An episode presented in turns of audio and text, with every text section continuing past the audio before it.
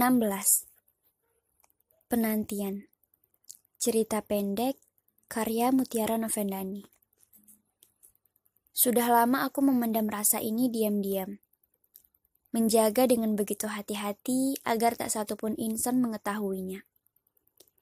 Tepatnya sudah hampir tiga tahun, aku terus berpura-pura bahagia saat melihat kau selalu menganggapku sebatas teman biasa. Aku tak tahu bagaimana aku bisa mengakui perasaan aneh ini. Rasa itu tiba-tiba muncul saat pertama kali dengan tiba-tibanya kamu duduk di sampingku tanpa sebab. Orang bilang, rasa suka akan terjadi saat adanya rasa nyaman. Dan rasa nyaman ada karena sebuah kebiasaan. Lagi-lagi aku tak tahu Bagaimana aku bisa nyaman dengan seorang laki-laki yang aku pikir kamu bukanlah laki-laki yang baik-baik?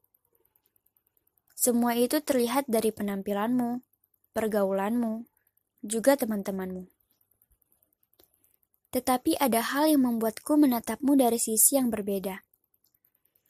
Saat itu aku duduk di kursi kelasku sambil membaca sebuah buku. Suasana kelas saat itu cukup ramai sehingga membuatku sulit untuk berkonsentrasi membaca sebuah buku. Numpang duduk, katamu sambil memainkan ponselmu, tanpa melirik ke arahku sedetik pun. Kamu duduk di kursi kosong yang ada di sebelahku. Aku heran, kenapa kamu tidak ikut bergabung bersama teman-temanmu di depan kelas seperti biasanya. Tanpa berpikir panjang, aku pun melanjutkan membaca bukuku. Baca buku apa? Kali ini kamu bertanya tepat menatap pada bola mataku saat aku menoleh.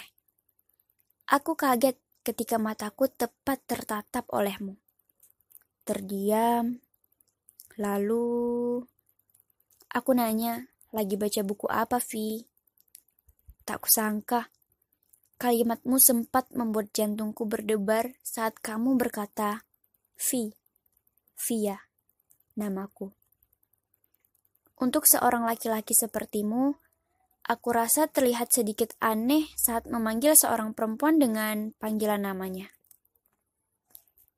Uh, hmm, ini lagi baca buku ini nih. Aku menunjukkan cover buku itu padamu. Lalu kau pun melihat arah tanganku yang menunjukkan cover buku itu. Oh, buku itu. Kamu menjawab dengan singkat dan membuatku sedikit gugup karenanya. Lalu pandanganmu beralih kepada ponselmu. Aku rasa kamu sudah pernah membaca buku yang aku baca kala itu. Karena banyak yang bilang, kamu juga cukup suka membaca dan menulis cerita. Tetapi aku benar-benar tak tahan dengan situasi seperti itu. Sehingga membuatku beranjak secepat mungkin. Entah kenapa saat itu aku berharap kau akan memanggilku dan bertanya, ke mana aku akan pergi. Tetapi nyatanya itu tak terjadi dan mungkin tak akan pernah terjadi. Aku sempat berpikir, kenapa aku begitu cepat mengambil kesimpulan mengenai seseorang yang menyukaiku. Padahal belum tentu orang itu memiliki rasa padaku. Aku benar-benar terlalu percaya diri perihal ini. Lambat laun, sejak kejadian tak disengaja itu, aku jadi sering memperhatikanmu melihat kegiatanmu. Bahkan sesekali aku sempat berpura-pura menelponmu dengan alasan salah tekan. Padahal itu hanya salah satu caraku agar mendapat perhatian darimu. Setelah aku pikir-pikir, sepertinya aku terlalu berlebihan menyikapi hal ini. Jangankan bisa mendapat perhatian darimu, dianggap ada saja, mungkin tidak. Saat itu tugas kelompok akhir semester sedang dimulai. Kebetulan kamu satu kelompok denganku. Tugas saat itu adalah pentas drama kelas, pentas drama bebas. Anggota kelompok memilihku untuk menuliskan naskah dramanya. Tetapi karena aku tahu kamu juga suka menulis, aku mengajukanmu sebagai penulis naskah. Tulisan aku nggak bagus, via aja. Dia juga udah berpengalaman nulis kan? Katamu yang lagi-lagi tak menoleh ke arahku sedetik pun. Tulisan kamu bagus kok, Sad. Aku membelamu di depan teman-teman kala itu. Dan untuk pertama kalinya, aku menyebut namamu saat berbincang denganmu. Sat. Satria. Lagi-lagi kamu tak menoleh ke arahku. Akhirnya semuanya memutuskan agar kita yang akan menulis naskah drama itu. Aku benar-benar belum pernah menulis cerita melalui dua pemikiran yang berbeda. Entah apa yang akan terjadi jika ide, ide pikiranku dan pikiranmu akan disatukan. Jadi ceritanya mau gimana? Kamu duduk di sampingku saat jam pelajaran kosong. Rencananya, aku mau buat cerita tentang perbedaan anak zaman sekarang dengan anak zaman dulu, tapi takutnya nggak menarik. Aku membuka buku kosong sambil mengetuk-ngetukkan pensil di atasnya. Dan sedikit gugup. Boleh sih, cuma ditambah adegan menegangkan aja di dalamnya. Kayaknya ada adegan berkelahi misalnya. Kali ini kamu menoleh ke arahku sebentar, lalu melihat ke arah papan tulis. Kalau ada adegan kekerasan, pasti nggak bakal disetujui. Aku menentang pendapatmu yang membuatmu sedikit tidak terima. Kalau gitu, ganti tema aja. Cari cerita lain. Jawaban singkat itu sontak membuatku kaget dan menatapmu lama. Aku belum punya ide lagi. Jawabku akhirnya dengan perasaan yang tidak enak. Katanya mau kerja sama buat tulis naskah, tapi malah gak ada ide. Kamu berdiri dari kursi itu dan ingin beranjak pergi. Aku kaget dan merasa tidak terima dengan ucapanmu. Harusnya kamu sadar, kalau yang dari tadi nyari ide itu aku. Lah, kamu bisanya cuma nyuruh-nyuruh doang. Kali ini aku benar-benar emosi dan sangat kesal dengan sikapmu yang seenaknya saja. Lebih tepatnya, lagi-lagi aku ingin direspon lebih darimu. Aku melihatmu seperti menahan nafas, kesal, lalu beranjak dan tak mengucapkan sepatah kata apa pun. Tapi aku sadari bahwa beberapa teman kelas saat itu kaget melihat aku yang berbicara lantang kepadamu. Tetapi hal itu tak aku pedulikan. Vi, kamu kenapa? Tiba-tiba temanku Salsa datang menghampiriku. Satu-satunya teman dekatku kala itu adalah Salsa. Aku sangat sulit untuk berteman dengan orang-orang baru. Oleh karena itu, hanya Salsalah satu-satunya teman di kelasku yang berani mengajakku untuk berteman. Huh, itu si Satria yang selain banget. Rencananya membuat naskah drama, tapi dia malah ngatain aku. Aku melipat tanganku di dada dan duduk di kursiku. Udahlah, kamu kayak nggak tahu dia aja. Daripada kalian berantem, terus naskahnya nggak selesai, mending kamu aja yang nulis naskahnya sendiri. Salsa duduk di sampingku dan memberikanku sebuah permen kaki. Ih, ngeselin. Aku masih menggerutu dan mengambil kasar permen pemberian Salsa. Keesokan harinya, aku datang lebih pagi dari biasanya. Keadaan kelas sangat sepi. Itu yang aku butuhkan agar fokus menulis naskah drama. Tapi ternyata, kelas ini lebih sepi dari yang aku bayangkan.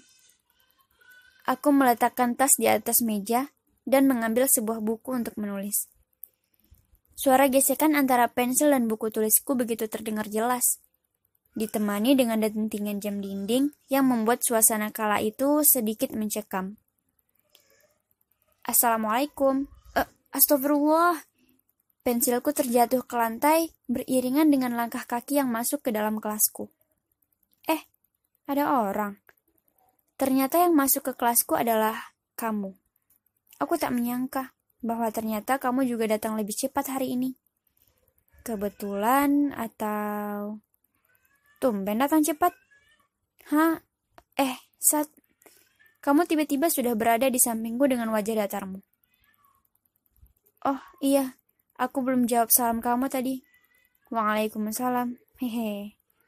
Aku salah tingkah sambil berpura-pura melanjutkan menulis. Padahal, aku tidak tahu apa yang sedang aku tulis. Tadi aku nanya, kenapa datang cepat? Kamu duduk di sampingku sambil meletakkan tas di atas meja. Hah, iya, mau nulis itu. Eh, kamu kok bawa tas ke sini? Tempat duduk kamu kan di sana. Aku benar-benar tidak fokus dan terus salah tingkah. Nih, baca. Kamu mengeluarkan sebuah buku dan meletakkannya di atas tanganku. Setelah aku buka, ternyata itu adalah naskah drama yang sudah kamu selesaikan. Aku benar-benar tak menyangka bahwa kamu bisa menyelesaikan naskah drama dalam semalam. Bahkan, yang membuatku tak habis pikir, kamu membuat naskah itu dengan tema yang aku usulkan kemarin. I, I ini naskahnya? Tanyaku meyakinkan. Iya. Udah, gak usah pusing-pusing lagi mikir naskah itu. Udah selesai kan? Kamu mengambil tasmu dan berjalan menuju tempat dudukmu. Sampai saat itu, aku masih heran, dan kamu benar-benar sosok misterius yang membuatku bingung. Dengan sikap dinginmu yang terkadang membuat banyak orang kesal, tetapi ternyata kamu sangat bertanggung jawab. Tanpa sadar, aku tidak bisa berhenti tersenyum membaca naskah itu hingga selesai. Hampir satu minggu, Aku dan kelompok naskah drama itu latihan. Kita semua bertekad untuk menghasilkan karya terbaik. Meski sesekali aku masih memperdebatkan hal-hal kecil denganmu, tetapi akhirnya kita mampu untuk latihan dengan serius. Arya kayaknya cocok ya kalau jadi alay kayak gitu. aku bermaksud untuk mencairkan suasana saat melihat aksi teman-teman di atas panggung. Tetapi kamu sama sekali tidak merespon candaanku dengan baik kamu lebih memilih mengamatinya dengan serius, bahkan tidak menoleh ke arahku sedetik pun. Aku benar-benar bingung, mengapa kamu bisa menyukai sosok. Aku benar-benar bingung, mengapa aku bisa menyukai sosok misterius yang dingin sepertimu. Bahkan, saat aku marah padamu, aku benar-benar tidak marah, melainkan hanya ingin mencairkan suasana yang sering kamu buat serius di setiap waktu. Aku tak habis pikir. Rasa itu terus menetap dan tumbuh selama hampir tiga tahun hingga kini. Bahkan Salsa, teman dekatku, tak pernah aku beritahu perihal ini. Karena aku masih belum mempercayainya sepenuhnya bahwa rasa yang selama ini aku pendam adalah rasa suka.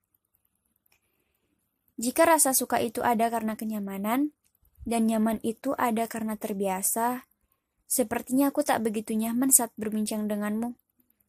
Tetapi, aku masih tidak mengerti mengapa hati ini masih terus menetap hingga kini. Sesekali aku seperti hilang perasaan saat melihatmu bergaul dengan teman-temanmu yang tidak baik itu. Aku tahu, jika kamu tak bergabung bersama mereka, pasti kamu akan menjadi sosok yang baik. Tetapi apalah harapanku yang selalu dianggap tidak ada ini. Aku pun juga tak punya aku pun juga tak punya hak atas kamu. Tugas pentas drama itu akan, diada akan diadakan dua hari lagi. Sepertinya kelompok kita sudah benar-benar siap untuk tampil di atas panggung. Aku benar-benar bahagia karena akhirnya aku bisa menjadi salah satu anggota yang mengurus di belakang layar. Karena aku tidak terlalu percaya diri jika harus akting di depan banyak orang. Saat itu tepat pada jam 7 malam. Aku baru saja selesai melaksanakan sholat maghrib. Aku melihat begitu banyak notif WhatsApp yang masuk ke ponselku. Lalu aku membukanya. Aku kaget tahu bahwa pesanmu adalah salah satu pesan yang masuk di ponselku. Vi, itu si Ratu sama Rosa tiba-tiba gak terima sama perannya. Kamu gimana sih pas bagiin peran? Hamin dua gini mereka malah protes. Baca grup cepat. Aku kira akan ada hal yang membahagiakan malam ini. Ternyata tidak. Mungkin ini untuk kesekian kalinya, kita akan berdebat dan berujung kesalahan ada padaku. Mereka nggak terima gimana? Tanyaku, membalas pesanmu. Kamu sama sekali tak membaca pesanku. Sudah kuduga. Lalu aku segera melihat keadaan grup kelompok yang sudah ratusan pesan. Pesan itu terus bertambah dan berujung pada emosi. Akhirnya, aku berinisiatif untuk mengatur bahwa hanya admin yang dapat mengirimkan pesan.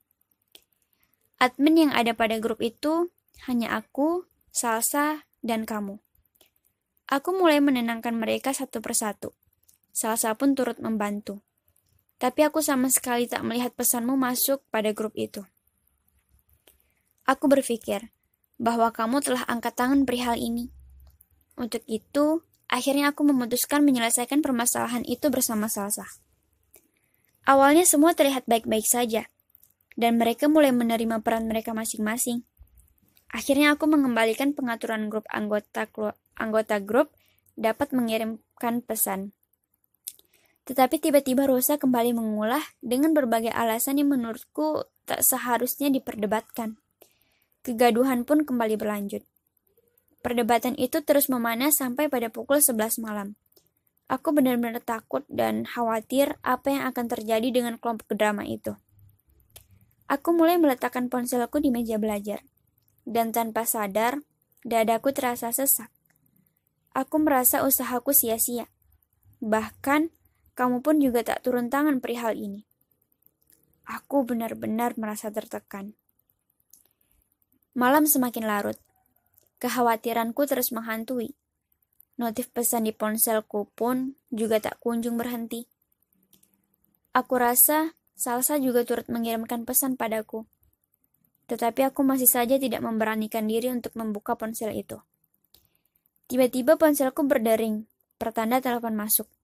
Aku tak meliriknya sama sekali. Tetapi aku yakin bahwa itu salsa. Hingga berkali-kali ponsel itu berdering. Akhirnya aku menyerah. Dan aku mengangkatnya.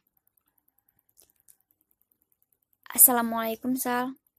Suara isakanku masih terdengar kala itu.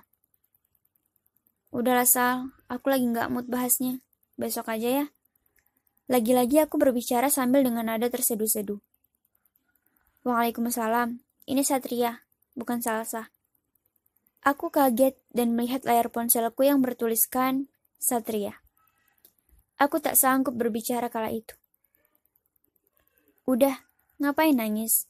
Aku ngerti kok. Besok kita bahas aja sama-sama dengan mereka. Termasuk Rosa yang dari tadi yang dari tadi terus mancing-mancing masalah. Istirahat aja lagi. Jangan dipikirin. Aku bingung harus bahagia atau terus bersedih.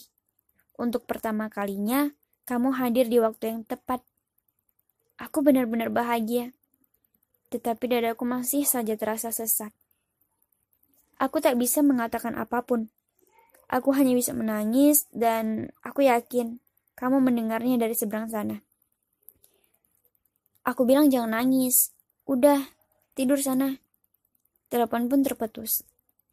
Saat ini yang terdengar hanyalah tangisan seduku yang sedikit berkurang. Aku menghapus air mataku kasar dan melihat log panggilan ponselku yang ternyata kamu telah menelponku lebih dari tiga kali. Rasanya aku seperti melayang ke udara. Aku seperti sedang jatuh cinta. Keesokan harinya, kita semua berkumpul di taman sekolah. Permasalahan sudah mulai terpecahkan satu persatu. Aku masih tak bisa menyangka bahwa semalam kamu bersikap manis padaku. Iya, manis menurutku. Di balik sikap dingin dan pergaulanmu yang sulit untuk diterima banyak orang, ternyata kamu memiliki sikap baik yang jarang dimiliki oleh laki-laki sepertimu. Perlahan, permasalahan sudah terlihat membaik. Rosa juga sudah mulai menerima meskipun dengan berat hati. Semuanya pun bubar dan kembali ke kelas. Aku melihat di sekelilingku. Tak kutemukan salsa di sana. Akhirnya, aku memutuskan untuk berjalan ke kelas sendirian. Aku melihat kamu sedang berkumpul dengan teman-temanmu. Aku ingin sekali rasanya mengucapkan terima kasih perihal semalam. Tapi aku benar-benar takut dengan teman-temanmu yang terlihat menyeramkan itu. Akhirnya aku berjalan dan berusaha untuk tidak melihat dirimu. Via! Aku seperti mendengar namaku dipanggil dari arah perkumpulan kamu dan teman-temanmu. Karena aku takut salah mendengar, aku memutuskan untuk tak menoleh. Via, tunggu! Kali ini sepertinya aku tak salah dengar, dan aku seperti merasakan langkahan kaki menuju padaku. Aku menoleh. Dipanggilin kok diam aja sih? Dan ternyata benar. Aku sama sekali tak salah dengar itu adalah kamu. I iya, apa? Tanyaku gugup, tanyaku gugup dengan menggenggam kuat rokku. Ini properti yang mau disiapkan. Nanti kamu tambahin aja apa yang kurang. Aku balik ya. Rasanya setelah kejadian tadi malam, aku seperti tak bisa mengontrol diriku lagi. Kamu berbalik dan menuju perkumpulan teman-temanmu. Sat, aku tak tahu bagaimana aku bisa memanggilmu dengan sepercaya diri itu. Iya, katamu, berbalik. Makasih, Aku tersenyum malu dan sedikit gugup. Buat? Tanyamu, yang membuat jantungku berdebar dan sedikit panik. Buat... Um, buat semalam, iya, buat semalam. Aku sangat malu karena tak bisa menyembunyikan raut wajahku yang sangat terlihat salah tingkah di depanmu. Kamu hanya mengangguk singkat dan menunjukkan jempolmu pertanda, oke. Okay. Lalu beralih dan pergi. Akhirnya hari-hari yang ditunggu-tunggu pun datang. Akhirnya hari yang ditunggu pun datang. Penampilan drama. Kita semua bersiap-siap karena sebentar lagi akan dimulai. Aku masih saja memiliki harapan padamu. Sesekali aku mencuri pandang saat membantu teman-teman yang lain untuk persiapan. Tetapi lagi-lagi kamu tak menyadari hal itu. Setelah semuanya dipersiapkan, Kelompok kita pun menunjukkan penampilannya. Kurang lebih sekitar 15 menit penampilan itu berlangsung. Semuanya berjalan dengan lancar. Gemuruh tepuk tangan pun juga meramaikan dan menyemangati setelah penampilan. Alhamdulillah, akhirnya selesai juga. Aku lega deh. Aku menghampiri Salsa yang ikut tampil kala itu. Iya, Vi. Alhamdulillah akhirnya selesai. Aku deg-degan banget tadi. Gimana acting aku? Keren gak? Keren banget, Sal. Serius. Jawabku dengan sumringah. Aku tak terlalu fokus pada salsa. Mataku masih berkeliaran mencari keberadaanmu di situasi seramai itu. Nyari siapa, Vi? Tanya Salsa yang menyadari kegelisahanku. Ah, enggak, enggak cari siapa-siapa. Aku berusaha meyakinkan Salsa agar tak mencurigaiku. Eh, udah makan belum, Vi? Ke kantin yuk. Palingan kita nggak belajar abis ini. Salsa sedang membereskan barang-barangnya untuk dibawa ke kelas. Hmm, udah kok Sal. Kamu sendiri aja ya. Aku lagi capek banget. Ya, ya udah deh. Aku duluan ya. Dah. Salsa melambaikan tangannya dan beralih pergi. Aku tersenyum membalas lambaian tangan Salsa. Mataku masih belum bisa berhenti mencari keberadaanmu hingga akhirnya aku melihat kamu yang sedang duduk sendirian di belakang aula. Dengan semangat aku berjalan ke arahmu. Tetapi langkahku terhenti saat melihat teman-temanmu duluan menghampirimu.